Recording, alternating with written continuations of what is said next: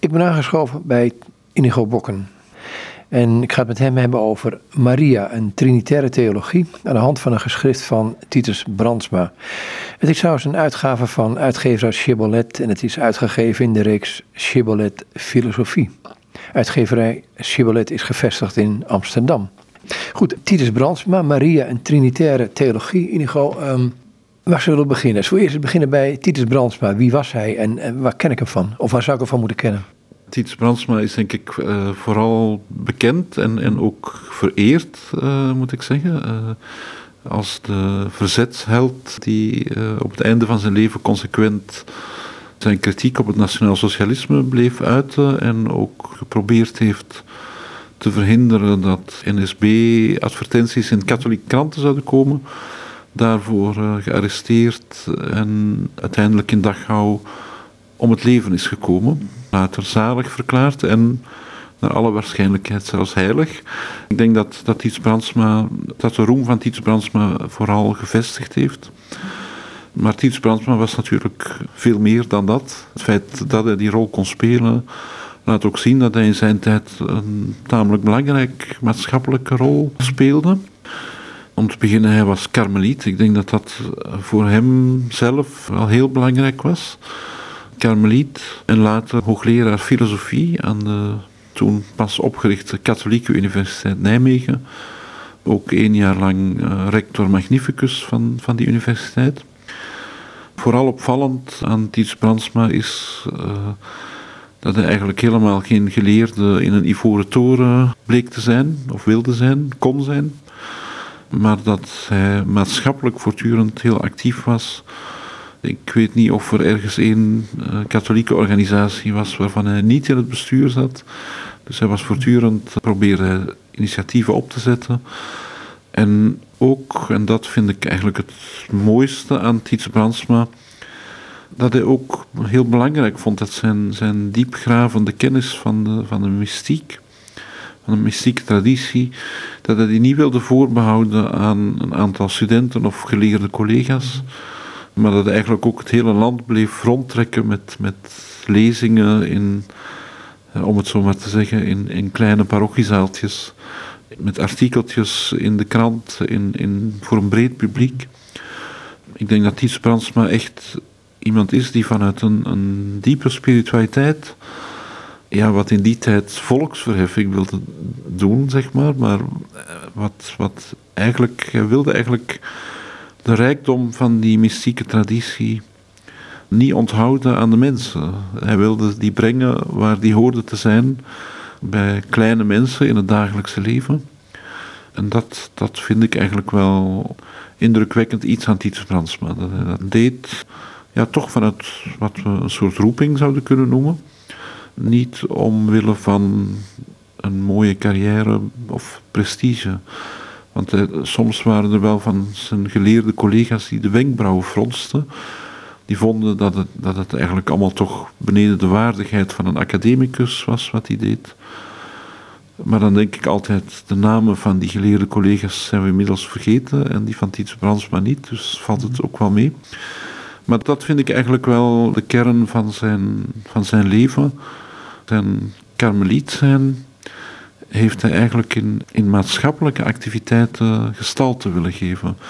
Innerlijke contemplatie die hij een leven lang gezocht heeft, nagestreefd heeft, die in een maatschappelijke activiteit gestalte krijgt. Omdat het voor de mensen is, voor de verheffing van mensen. Ik denk dat dat, dat, dat woord verheffing voor hem heel belangrijk is.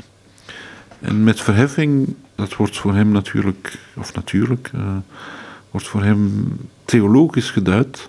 Verheffing betekent ja, ontdekken dat God in jezelf helemaal aanwezig is, ieder moment. Maar dat door allerlei elementen in ons leven uh, verduisterd is, niet zichtbaar is, dat we het vergeten. Dat is wat hij aan de mensen gunt.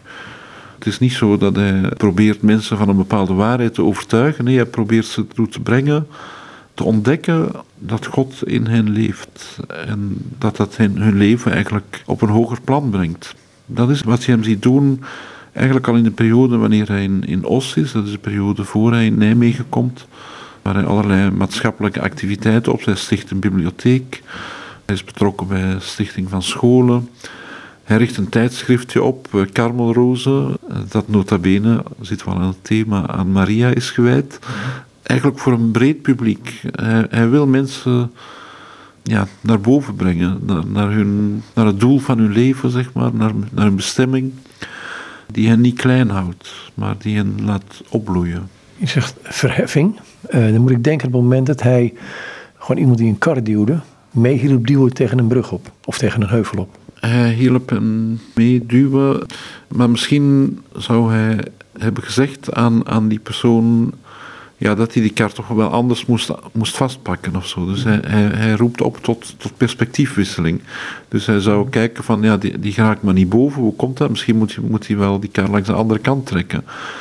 Uh, zo, zo zie ik eigenlijk voor hem ook hoe hij de mystiek inzet, mystieke teksten uit de traditie, en hij kende er oneindig veel. Ja, als een soort kleine perspectiefwisselingen voor, voor de mensen. Dat ze eigenlijk ja, wel, soms wel heel hard moeten duwen aan die kar. Maar dat ze misschien soms toch even anders moeten kijken en, en, en ze daardoor de krachtenverhouding verandert. Misschien moet je soms ook dingen net uit handen laten, zeg maar, om, om verheven te worden. Misschien als je soms te veel zit te duwen, op, te veel op hetzelfde aanbeeld slaat, raak je maar niet boven. En moet je even anders kijken. Een spiegel voorhouden eigenlijk. Dat is wat Dietz Brandsma, wat volgens Dietz Brandsma uh, mystieke teksten met mensen kunnen doen. Dus om in dat beeld van die kar te blijven, ik denk niet dat hij dat het zou kunnen zeggen van hij gaat mee aan die kar duwen zodat er meer kracht komt, uh, maar hij gaat een nieuw perspectief laten zien, zodat diegene zelf die kar zomaar naar boven krijgt. Maar hij voelde zich tegelijkertijd ook niet te groot om mee te helpen. Nee, dus dat, zoals ik al zei, dat werd hem ook een beetje kwalijk genomen in, in een uh, academisch milieu waar, waar uh, prestige voorop staat en wat de mensen over je denken.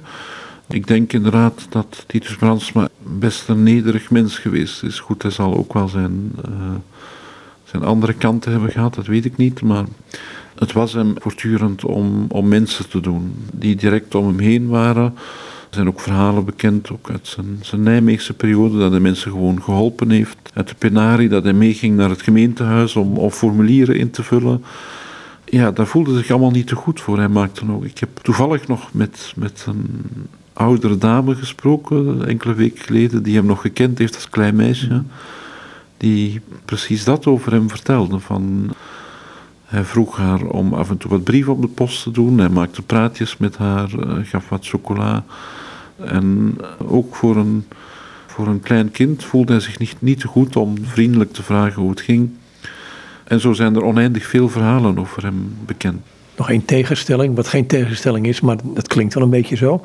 Hij was Fries en mysticus. Ja, dat Friese aspect van hem, eh, dat heb ik ook pas later ontdekt eigenlijk. Hoe belangrijk dat dat, dat, dat is voor hem. En ik denk dat zijn manier van mystiek ook wel een mystiek van de aarde is, van op, op de grond staan, zeg maar.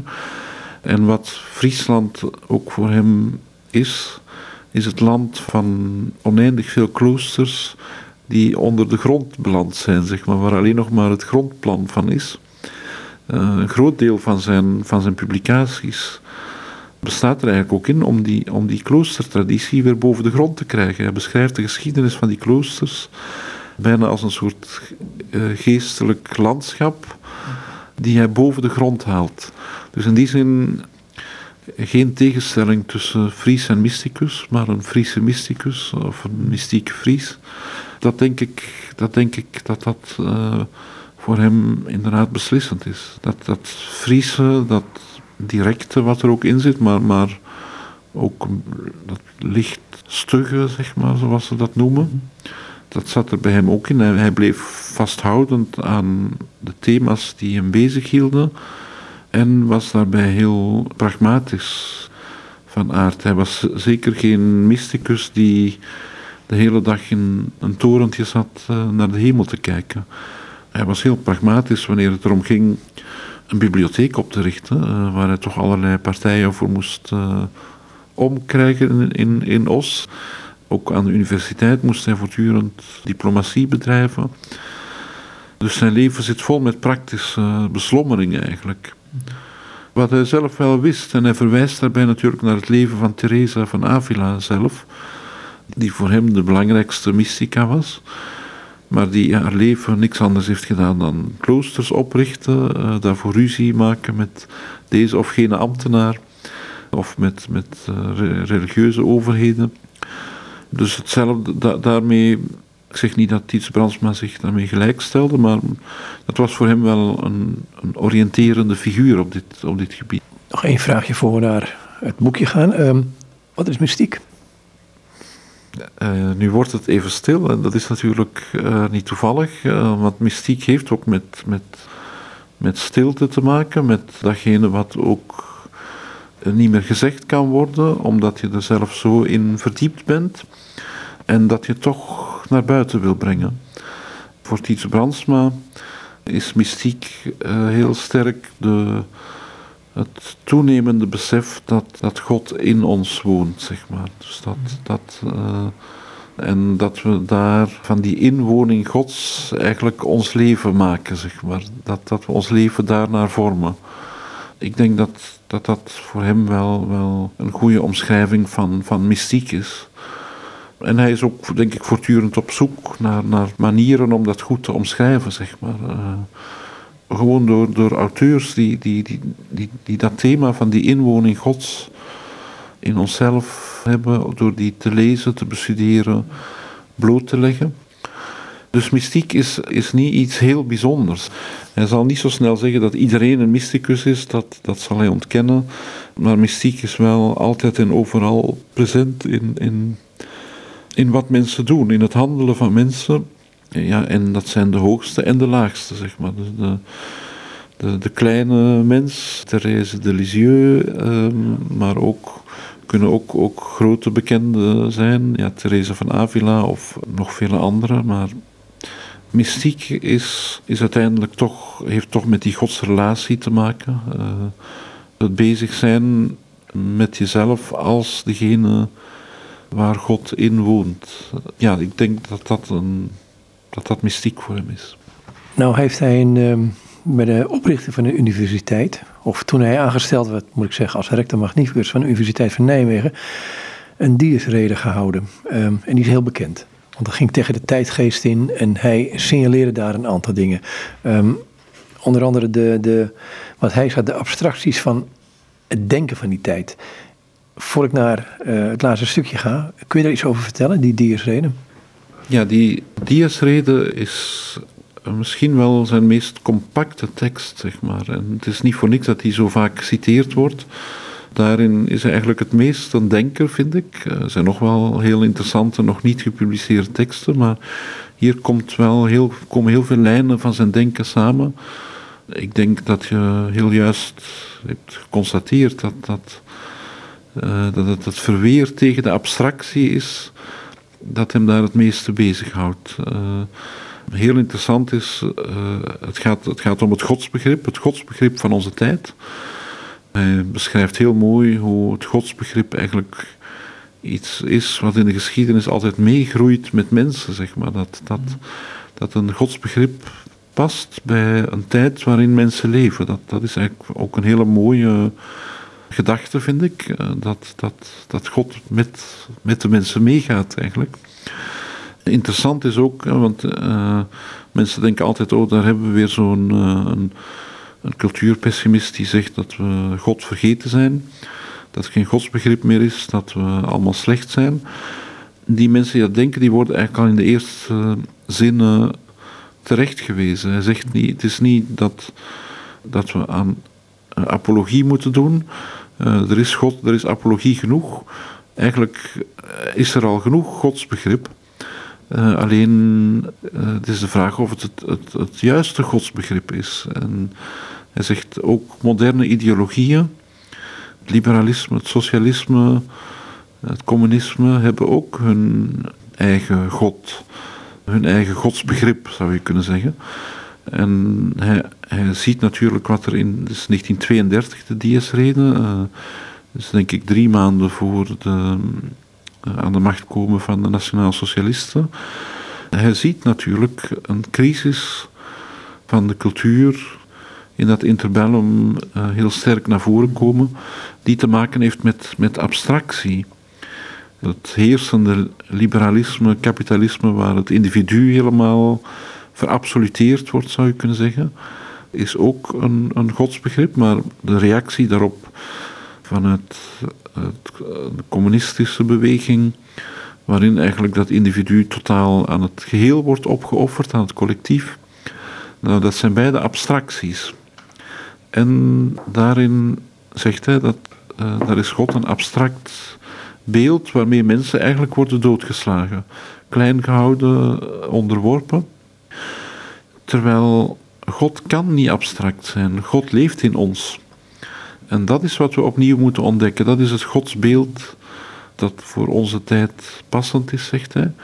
Hoe eigenlijk mensen niet meer onderworpen kunnen worden aan een abstractie, maar zelf kunnen groeien. Dus in die zin heeft, is het wel iets heel democratisch, want ieder, ieder mens opnieuw heeft het recht om, om te groeien en, en is, een, is een door God gewild wezen, een wezen waarin God woont. Dus God is belangrijk om daarvan bewust te worden, maar niet de abstracte God van het liberalisme en het communisme, maar zo zegt hij, misschien is dat wel het godsbegrip zoals het in de mystiek naar voren komt. Misschien moeten we terugkijken naar die mystieke teksten en dan wordt eigenlijk ook duidelijk waarom hij zoveel energie en tijd heeft gestoken in, het blootleggen van die mystieke teksten. Zegt daar vinden we de bron voor een hedendaags godsbegrip. Nou, dat vind ik nog altijd een actuele uitdaging eigenlijk. Dus die crisis van het interbellum is ook na de, de, het trauma van de Tweede Wereldoorlog nog niet echt uh, voorbij. We, we leven nog met die crisis volgens mij. Daar kun je nog allerlei voorbeelden voor geven vandaag. En de abstractie van het godsbegrip dat vandaag onze samenleving beheerst, lijkt mij ook nog steeds een probleem. Dat de godsrelatie bij ieder opnieuw begint, is iets wat we nog steeds moeten leren. En dan vind ik het interessant dat iets Brandsma zegt van ga kijken naar de mystieke teksten. Daar, daar zie je hoe mensen zich daarvan bewust zijn, van dat God in hen leeft. Er zijn enkele geesten die dat heel scherp gezien hebben, dat proberen te beschrijven wat eigenlijk onbeschrijfelijk is. Want als je iets beschrijft, dan ga je buiten, buiten jezelf staan, terwijl je het van binnenuit moet schrijven, terwijl je het of, eh, van binnenuit moet leven, zeg maar. Uh, en in die zin kunnen die teksten ons helpen om daar handen en voeten aan te geven. Dat is het wonderlijke van die tekst. Um, niet het feit dat hij hem uitspreekt en wat, hij, wat je nu net uitgelegd hebt, maar die tekst eindigt met een, um, een verwijzing naar Maria toe. En misschien kan ik dat gewoon lezen, want zo begint het boekje ook. Zo schonk de moeder van God, en mag je zo uitleggen wat hij daarmee bedoelt, ons die innige vereniging met God, terwijl zij zichzelf als een voorbeeld stelde voor de meest innige gemeenschap. Laat dat voorbeeld ons steeds voor ogen staan. Er is hier meer dan een voorbeeld alleen. Zij is geroepen om ons oog naar God te richten. Zoals wij in het kind op haar armen, geleid door de openbaring, God erkennen, zo hoop ik dat zij ons door het verstand leidt naar de schouwing van God in al wat Hij geschapen heeft, opdat Hij in ons leeft, zoals Hij leeft in haar, en door de daad uit ons geboren, uit ons tevoorschijn treedt. Dat is natuurlijk een merkwaardig manier om je diersreden te eindigen. Als ik het heel voorzichtig mag zeggen. Um, maar allereerst aan die moeder van God. Eh, dan gaan we naar Efeze toe. Um, wat bedoelde hij daarmee?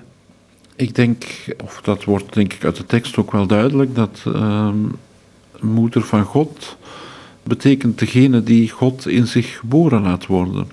En dat Maria daarom voor Tiets Brandsma eigenlijk het, het, het paradigma bij uitstek is voor ons eigen mystieke leven, ons eigen devotionele leven, zo je wilt, maar ons eigen mystieke leven omdat het heeft alles met die inwoning Gods uh, te maken.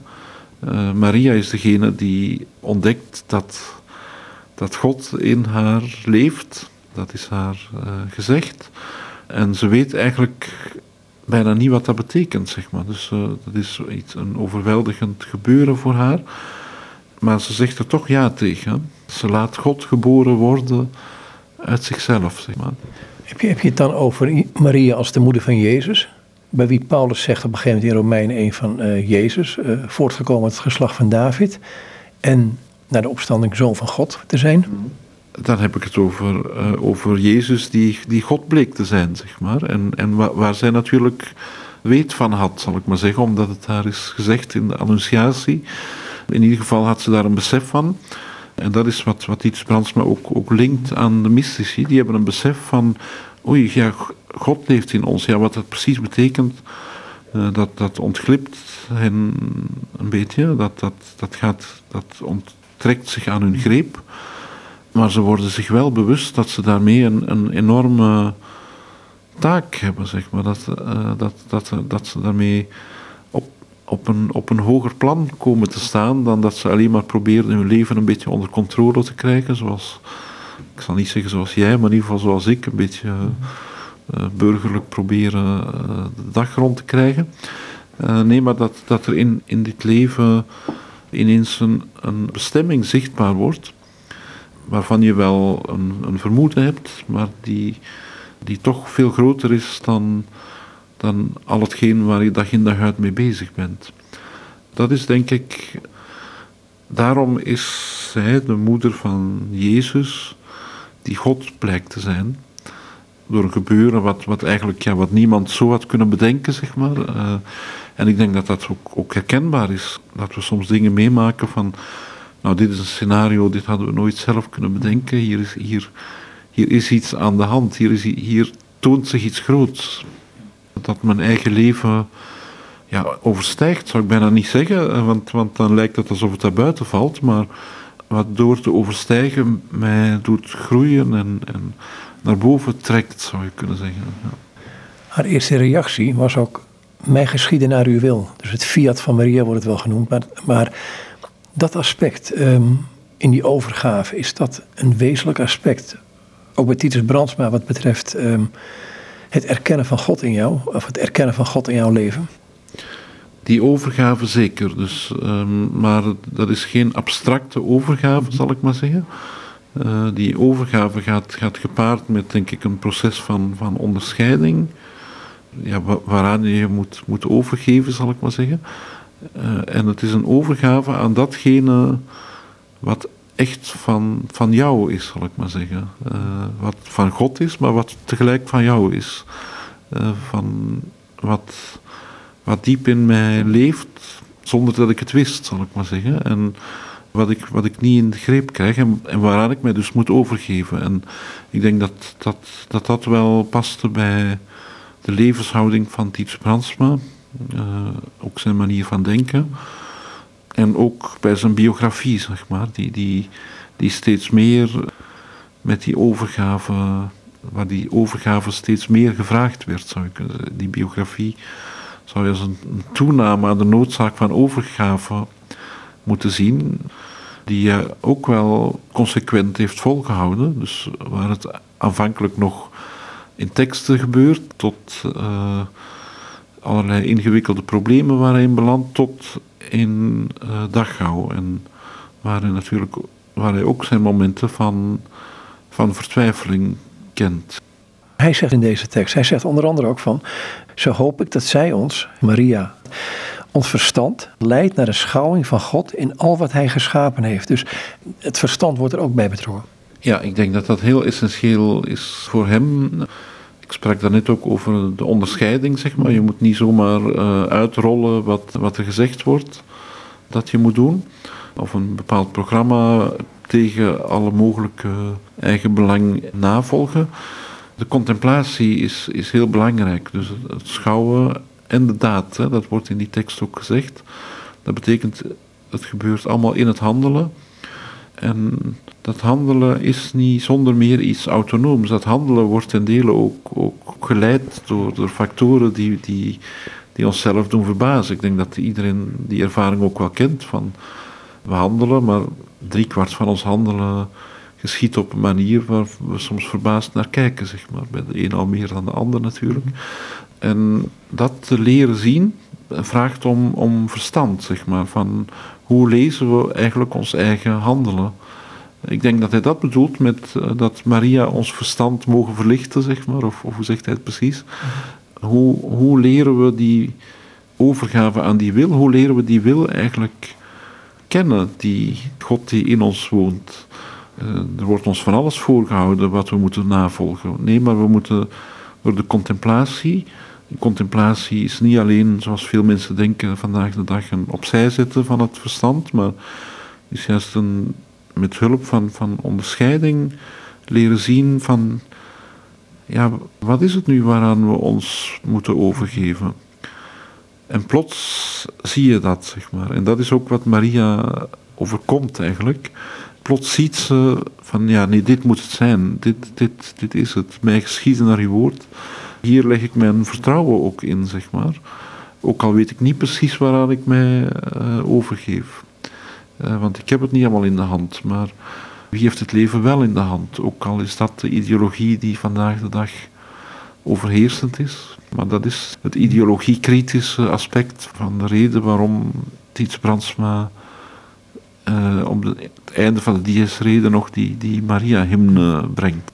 Nou heeft het ook te maken met het feit um, dat hij, uh, als ik jouw voorwoord lees over Karl Rahner, geen puur dogmatische theologie wilde. Maar hij zegt het is ook voor de praktijk. Dus um, ik bij hem ook een beetje proef, of een beetje proef, ik bij hem proef in die... Um, in het stuk over Maria wat je opgenomen hebt, is het feit dat het niet zomaar iets is wat je gelooft. God is daar, en misschien ook in je hart, hij leeft in je. Maar het gaat verder dan dat. Er lijkt een, een relatie te zijn tussen God, Vader en Zoon, een Heilige Geest. Um, hoe, hoe werkt hij dat uit? Ja, dat is een heel uh, interessant punt. Uh, dus dat is ook eigenlijk de tekst zelf van het boekje. Uh, is een tekst, misschien kan ik daar iets over zeggen ehm, uh, is een tekst die hij heeft uitgesproken, eigenlijk enkele jaren na de Dies-rede, -hmm. op een Maria-congres in de abdij van Tongerlo. En, en waar hij eigenlijk een poging doet om theologisch uh, uit te werken wat hij, wat hij in de Dies-rede al, al zegt. Maria is een thema dat, dat zijn hele leven is meegegaan en hier wil hij inderdaad het verband leggen tussen de Maria-devotie en de Trinitaire theologie. Uh, en eigenlijk zien we hier dezelfde gedachte terugkomen als in de Dies-reden. Zonder Maria kan het speculeren over de Triniteit al snel tot een abstractie worden. Waarom is dat? Dat heeft eh, te maken, kijk, Maria is, hij zal, je, hoort, je hoort me niet zeggen dat het noodzakelijk is, maar Maria is in ieder geval de, de persoon, de, de, de het oerbeeld van onze betrokkenheid op de Triniteit. Mm -hmm.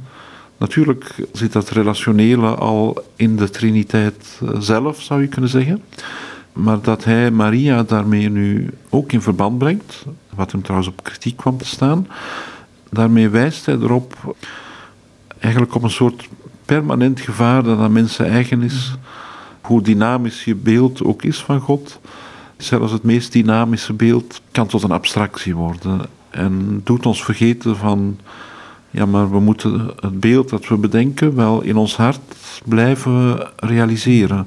Dat is waar het om gaat. Dus wanneer hij Maria hier linkt aan de Triniteit, aan de, de drie personen, dan heeft dat daarmee te maken van wij mogen niet vergeten al die ingewikkelde gedachten opnieuw in te bedden in, in wie wij zijn. En dit geboren te laten worden in ons. Niet alleen uh, met elkaar gaan discussiëren uh, hoe het nou ook weer precies zat met die drie naturen en, en wat weet ik allemaal. Maar laten we, in, in deze tekst probeert hij eigenlijk uh, volgens mij de gedachte van de Triniteit tegen dat licht te, te interpreteren. Je noemde even Raner, die heb ik in, in de inleiding ook even genoemd. Dat heb ik ook een beetje als, als vergelijking uh, genoemd. Zo van, omdat dat eigenlijk ook bij, bij Raner speelt, dat idee van, ja, maar de, de, de theologie heeft pas zin wanneer ze ingebed is in, in een concreet biddend leven. Ik denk dat dat voor Tiets Brandsma ook, ook van het grootste belang is en, en dat dat de reden is waarom hij op een heel speculatieve manier eigenlijk probeert na te denken, ja, hoe, hoe is nu de rol van Maria in relatie tot de Triniteit? Zijn, zijn leermeester en vriend Hubertus Dries vond het eigenlijk allemaal maar niks. Die vond dat, dat hij van haar een soort vierde persoon in de Triniteit uh, maakte. Maar dat, dat is ook de reden waarom Tiets Brandsma eigenlijk die tekst nooit eh, of niet heeft laten publiceren. Maar het gaat er niet, niet zozeer om dat er een vierde persoon is. Het gaat erom hoe, dat zij ons verplicht na te denken hoe wij ons tot de Triniteit moeten verhouden. Namelijk als in ons hart levend en boven ons uittrekkend, zeg maar. Betekent dat dan, um, ik, ik, citeer jou weer het je voorwoord hoor, dat uh, volgens Titus Brandsma Maria moest wel aanwezig zijn bij het liefdevolle besluit van de vader om de zoon te scheppen of de zoon in deze wereld te brengen. Dit aspect, dat hij een mens, een meisje, hè, ieder Joods meisje in die tijd hoopte dat zij zou zijn, nodig had om Jezus gestalte te laten krijgen. Ja, ik denk, ik denk dat dat ook is waarom we zeggen dat God, uh, God liefde is en de mens uh, nodig heeft eigenlijk. En, en ze daarom dat het zozeer bij hem hoort, bij God, dat, dat Maria inderdaad al van meet af aan mee aanwezig was. Dat, dat de betrokkenheid op de mens, de godsrelatie eigenlijk alfa en omega is voor Ties Bransma. En dat, dat hij daar heel sterk bewust van is. Dat ieder denken over God, niet zozeer dat het, dat het door menselijke begrippen beperkt wordt, maar nee, dat het in tegendeel dat het dat ieder denken over God in het leven met huid en haar zijn plek moet hebben. Als je dat daarvan losmaakt, dan, dan krijg je die beelden waarmee de ideologieën de mensen klein houden. Voor Dietz Brandsma is wel gaan zien, denk ik, was geïntrigeerd door, door, door de devotie van mensen die voor hem eigenlijk uh, iets, iets objectiefs heeft, zeg maar. In, in de devotie wordt, uh, wordt zelf al iets van God zichtbaar. Dat is natuurlijk een, een manier van denken die, die, die wij door de verlichting niet zo durven doorzetten. Maar ik denk dat hij daarin iets erkend heeft van, van een kracht die, die boven, het, boven een pure subjectiviteit uitgaat. En ik denk dat het daarom is dat hij Maria zo belangrijk uh, vindt. Omdat in, in Maria die ja zegt tegen dat, wat er met haar gebeurt, zeg maar. Daarin leren we eigenlijk te zien ja, wat godsrelatie eigenlijk is. Dat is een soort spiegel voor onze godsrelatie, zou je kunnen zeggen. En daar is het dat, dat we God leren kennen, zeg maar. En volgens mij is dat de reden waarom hij zegt dat ze van meet af aan mee in dit proces betrokken is. Mhm. Omdat die, die godsrelatie alfa en omega is. En dat, we, dat dat het meest fundamentele is zoals we kunnen denken. Zo, zo is mijn welwillende interpretatie van Tiets Brandsma. Ja, je zegt, dat is, natuurlijk heel katholiek, zou je kunnen zeggen. Ehm, dat is natuurlijk zo. Maar ik denk dat het voor Tiets Brandsma in de eerste plaats karmelitaans denken is. De karmelieten, uh, in dit geval de Okarm, dus de, de zogenaamde geschoeide uh, karmelieten, zijn eigenlijk onze lieve vrouwenbroeders, broeders van onze lieve vrouw van de berg Karmel. Uh, dat zit heel diep in die traditie in. En dat is denk ik ook een van de dingen die hem altijd aangetrokken heeft. In die levensvorm die hij altijd heeft geleefd en ook, ook over nagedacht heeft, wat het eigenlijk betekent. In die zin is dat Mariale denken van hem zit ook diep in zijn leven uh, ingebed. Is het inderdaad een, een, manier van denken? Ik denk dat dat in deze tekst, die, die heel abstract is, heel mooi naar voren komt. Die zoektocht naar uh, hoe vermijd je dat een beeld abstract wordt? Hoe moet je eigenlijk met een godsbeeld omgaan? Hoe moet je ons beeld zijn van God denken door het in ons geboren te laten worden? Het moet levend worden. En dan kun je zeggen, ja, dat is toch vanzelfsprekend, maar als je dat in het centrum plaatst, dan is Maria wel een beeld dat ons iets laat zien over onszelf. In de inleiding zeg je op een gegeven moment op deze tekst van Tinus Brandsma, en het verbaast me enigszins, uh, dat Maria een soort synthese is van de reden en de wil. Hoe, hoe is die synthese bij Titus Brandsma? Het boekje is uitgegeven in de reeks uh, Shibboleth Filosofie, dus niet eens theologie, het is filosofie. Nou, leg maar uit. Ja, ik ben er heel sterk van overtuigd dat het zoiets als een Mariale filosofie is, dat de reden een belangrijke rol speelt, uh, ook waar het om Maria gaat. Dat bleek al uit het citaat uit de Dies-reden, omdat het in de ogen van Titus Bransma voor Maria ook erop aankwam te, te kunnen onderscheiden wat, waar het nu om ging, zeg maar. Ze, Maria heeft nagedacht, heeft weliswaar het gaat natuurlijk om, de, om, om een, een wilsbesluit uh, dat ze heeft en, en een ervaren daarvan. Maar ze weet eigenlijk goed waarom ze dat doet en waarom ze het consequent kan navolgen. Dat er staat synthese van wil en reden, dat heeft dan weer te maken met een heel interessante uh, opvatting die Titus Brandsma in verschillende teksten uiteenzet. Uh, dat hij ziet dat er verschillende scholen van mystiek, van spiritualiteit, van devotionaliteit zijn, namelijk de, de Dominicaanse die heel sterk op, de, op het intellect is uh, georiënteerd en de Franciscaanse die heel erg op de wil en, en de, de gevoelens uh, is uh, gericht. En, en je zou kunnen zeggen, nou de hele moderne tijd tot vandaag de dag toe is leven we met de crisis dat we die twee niet meer bij elkaar kunnen denken. Uh, Tiets Brandsma heeft een interessante opvatting die mij tot nadenken stemt en, en, waarvan ik hoop dat veel andere mensen er ook over gaan nadenken. Van, ja, maar die, die twee scholen hebben eigenlijk, en dat is wat we altijd vergeten, bij het begin van de moderne tijd hun, hun synthese gevonden in, in de Karmelitaanse school van Teresa en Johannes, Johannes van het Kruis. Uh, en Johannes van het Kruis is voor hem de doctor Marialis, zeg maar, de Mariale dokter degene die heeft nagedacht aan de hand van Maria.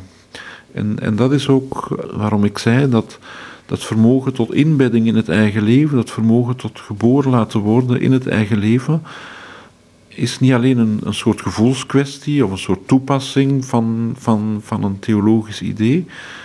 Nee, dat staat in het centrum. Dat is een nadenken. Dat is een soort levend nadenken. Dat dient tot, tot verheffing van, van de mens. En uh, in een tekst over Johannes van het Kruis noemt Tietse Brandsma dat ook. Die synthese van wil en intellect, die bestaat in de vervolmaking van onze natuur. De verheffing, het boven onszelf uitgroeien, dat is een denkvorm, zou je kunnen zeggen. En daarom kan deze tekst in een reeks filosofie verschijnen. Dus het, het soort mariale filosofie als als een synthese van, eh, van die twee andere paradigma's waar wij nog altijd mee worstelen. Ik vind dat heel gewaagde gedachte, die, die, die, die van de ook, ook gewoon filosofisch, zeg maar. Uh, ik vind het existentieel een belangrijke gedachte en, en, en spiritueel. Maar ik vind het ook, ook intellectueel wijsgerig, uitdagend uh, dat, hij, dat hij dit soort dingen denkt. En dat hij die aan Maria verbindt. Nou, dat, nog vooraleer Maria vereerder te worden, wil ik dan toch al even naar adem happen, omdat, om, omdat gewoon, uh, om me daar ook intellectueel door uitgedaagd te voelen. Aan de ene kant, die, die um, bij de objectiviteit van God woont in mij. Ze heeft het kind gedragen.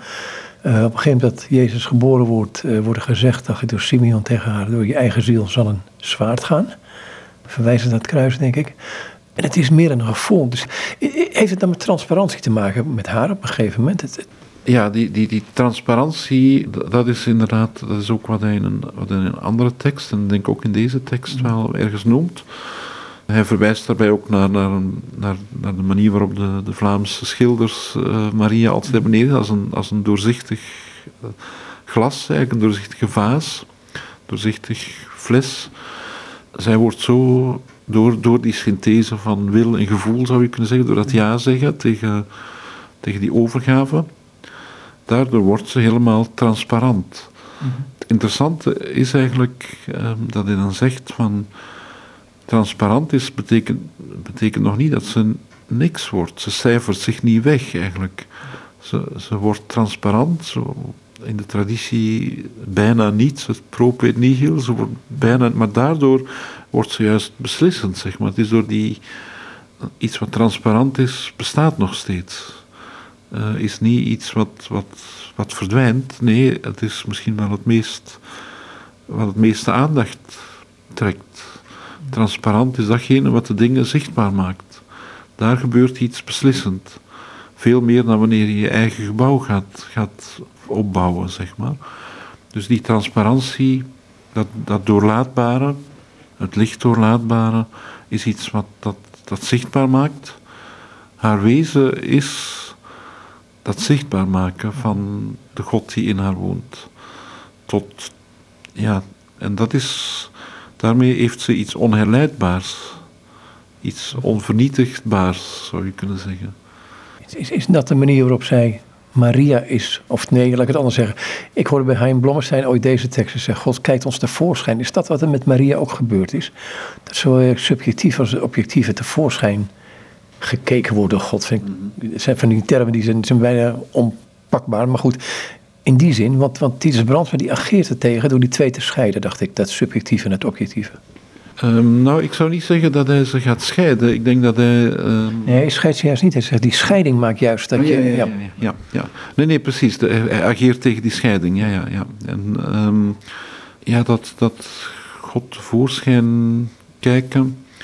En zij is degene die dat laat gebeuren. Die dat, die, die, zij is degene bij uitstek die laat zien wat het is om, als ik die woorden van Hein Blommestein mag herhalen, om tevoorschijn gekeken te worden. Mhm. Om de liefde zo te ervaren. En dat is denk ik een ervaring die we hebben wanneer iemand uh, ons lief heeft, dan worden we gezien op een manier die we nooit zelf hadden kunnen bedenken. Soms is het ook, ook vervelend en irritant, zeg maar, en, en lastig. En, en het is niet zo makkelijk om daar ja tegen te zeggen. Dat doet zij wel. In die zin is haar leven en wat er met haar gebeurt en wat er aan haar beeld vasthangt, geeft ons een beeld eigenlijk van, van wat dat is om uh, uh, tevoorschijn gekeken te worden. In het stuk zegt hij op een gegeven moment over de liefde, over de menswording. Um, dat deze liefde in alle grootheid moet openbaren. Uh, hij zegt het zo. Um, heeft hij de hoogste macht zich allerdiepst vernederd om in die vernedering zijn hoogste kunnen te openbaren. Hoe hoog wordt die Maria verheven, nu God zelf denkt om haar hand en het ja-woord. Um, en dan ga ik toch naar um, Lucas toe, in het begin van het Lucas-evangelie. Daarin zegt ze op een gegeven moment, mijn hart prijst hoog de Heer, van vreugde juicht mijn geest, om God mijn redder. Daar hij welwillend neerzag op de kleinheid zijner dienstmaagd. En zie, van heden af prijst elk geslacht mij zalig. Daar zegt ze nogal wat van haarzelf. Ja, maar ik denk dat uh, dat, dat um, minder in, in die narcistische zin opgevat moet worden, uh, als wel in het besef, in het besef van haar kleinheid. Ze is natuurlijk een, een, een sociaal gezien onbeduidende en machteloos iemand. En het besef is hier dat door wat haar gebeurt, het grootste in het kleinste geschiet. Dus er spreekt natuurlijk wel een soort zelfbewustzijn uit. En mij valt hier uh, een, een, woord binnen dat, dat, dat ik van een boek ken over Hadewig, de fierheid in de religieuze beleving. Ze is eigenlijk, uh, ze heeft een soort trots, een soort, uh, een, een, bijna moderne autonomie, transmoderne autonomie zou je kunnen zeggen.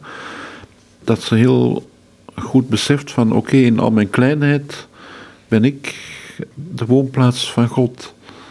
En ik vind het dan wel, wel mooi dat ze ook dat als het ware ter beschikking stelt voor onze verering, zeg, zal ik maar zeggen. Uh, want ik, ik denk dat inderdaad in, in dat, uh, voor Tiets Brandsma, uh, in, dat, in die verering, dat geleefd wordt, zeg maar. Daar, daar, daar wordt zij objectief. Ik vind het ook wel mooi dat, uh, dat hij zegt van dat hij naar haar hand denkt, zeg maar. Dat, dat vind ik heel mooi, omdat het zo laat zien dat, dat God ons wel nodig heeft, zeg maar. Dat, dat, dat, dat in Gods liefde hij ons nodig heeft, zeg maar. Dat, dat vind ik gedachte die ik denk dat, dat dat ook spreekt in haar zelfbewustzijn, zeg maar. Uh, niet in de zin van uh, dat ze anderen daarop afgunstig laat worden, maar dat ze dat eigenlijk deelt met alle mensen door zich voor, voor, voor, voor verering uh, ter beschikking te stellen. Dat is even ambtelijk gezegd. Zo begrijp ik die, die, die zin eigenlijk. En, en ik merk ook als, als je nou die zin voorleest, van, uh, dat hij naar haar hand denkt, dan word ik inderdaad geraakt door het feit dat, dat God naar ons verlangt ook. Ja, dit is een woord dat ook Titus Brandsma gebruikte, dacht ik. Dat verlangen van God naar ons. Wat natuurlijk een. Het is leuk om te zeggen en het is in bepaalde uh, omstandigheden heel plezierig om te zeggen. Maar het is een voortdurend proces eigenlijk, dat verlangen naar ons. En, het verlangen, dat is tegelijkertijd die relatie waar we in terechtkomen, denk ik. Is dat zo bij Titus Brandsma? Ik denk dat dat de kern van zijn denken is. Uh, het heeft natuurlijk... Er zijn ook plekken waar hij zegt, waar het, het uiteindelijk de zin van het leven, uh, of de, de, betekenis die het leven heeft, is de lofprijs in God. Dat is eigenlijk alles waar het om draait. Ik moet zeggen, ik deel zijn mening in deze. Ik vind het ook niet zomaar een mening. De lofprijs in God is het, het enige wat overeind blijft uh, in alle abstracte beelden die, die mensen maken. En die lofprijs in God laat zien dat God eigenlijk niks liever wil dan dat, dat wij dat doen. Hij, hij verlangt daarnaar. Hij, hij lijdt misschien wel als, als, want iemand die verlangt, die lijdt ook een beetje, zeg maar. Wanneer we dat niet genoeg doen of verkeerd doen. Of, uh, en dat vind ik een, een heel uh, fundamentele gedachte. De gedachte dat, dat, dat God naar ons verlangt en dat, dat, dat het prijzen van God de zin van het, van het bestaan, van het menselijke bestaan is.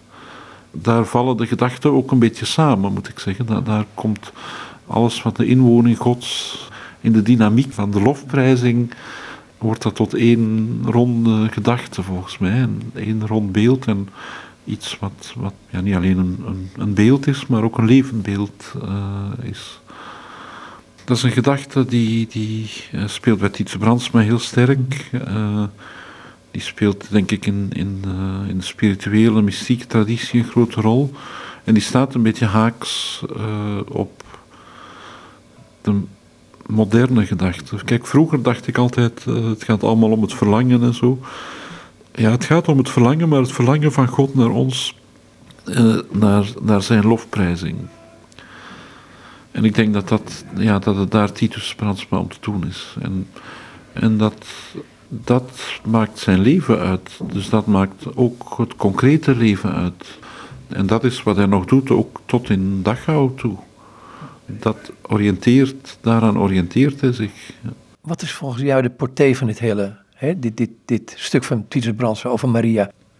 Uh, ik denk dat uh, Brandsma hier uh, heel op een, op een speculatieve manier laat zien. Kijk, Maria is, is de ware gelovige, is, of de eerste gelovige, of, of de, de, de belangrijkste gelovige, zeg maar, de paradigmatische gelovige, die, die ja, die ons laat nadenken over ja, wat, het, wat dat betekent om een leven in godsrelatie te leven.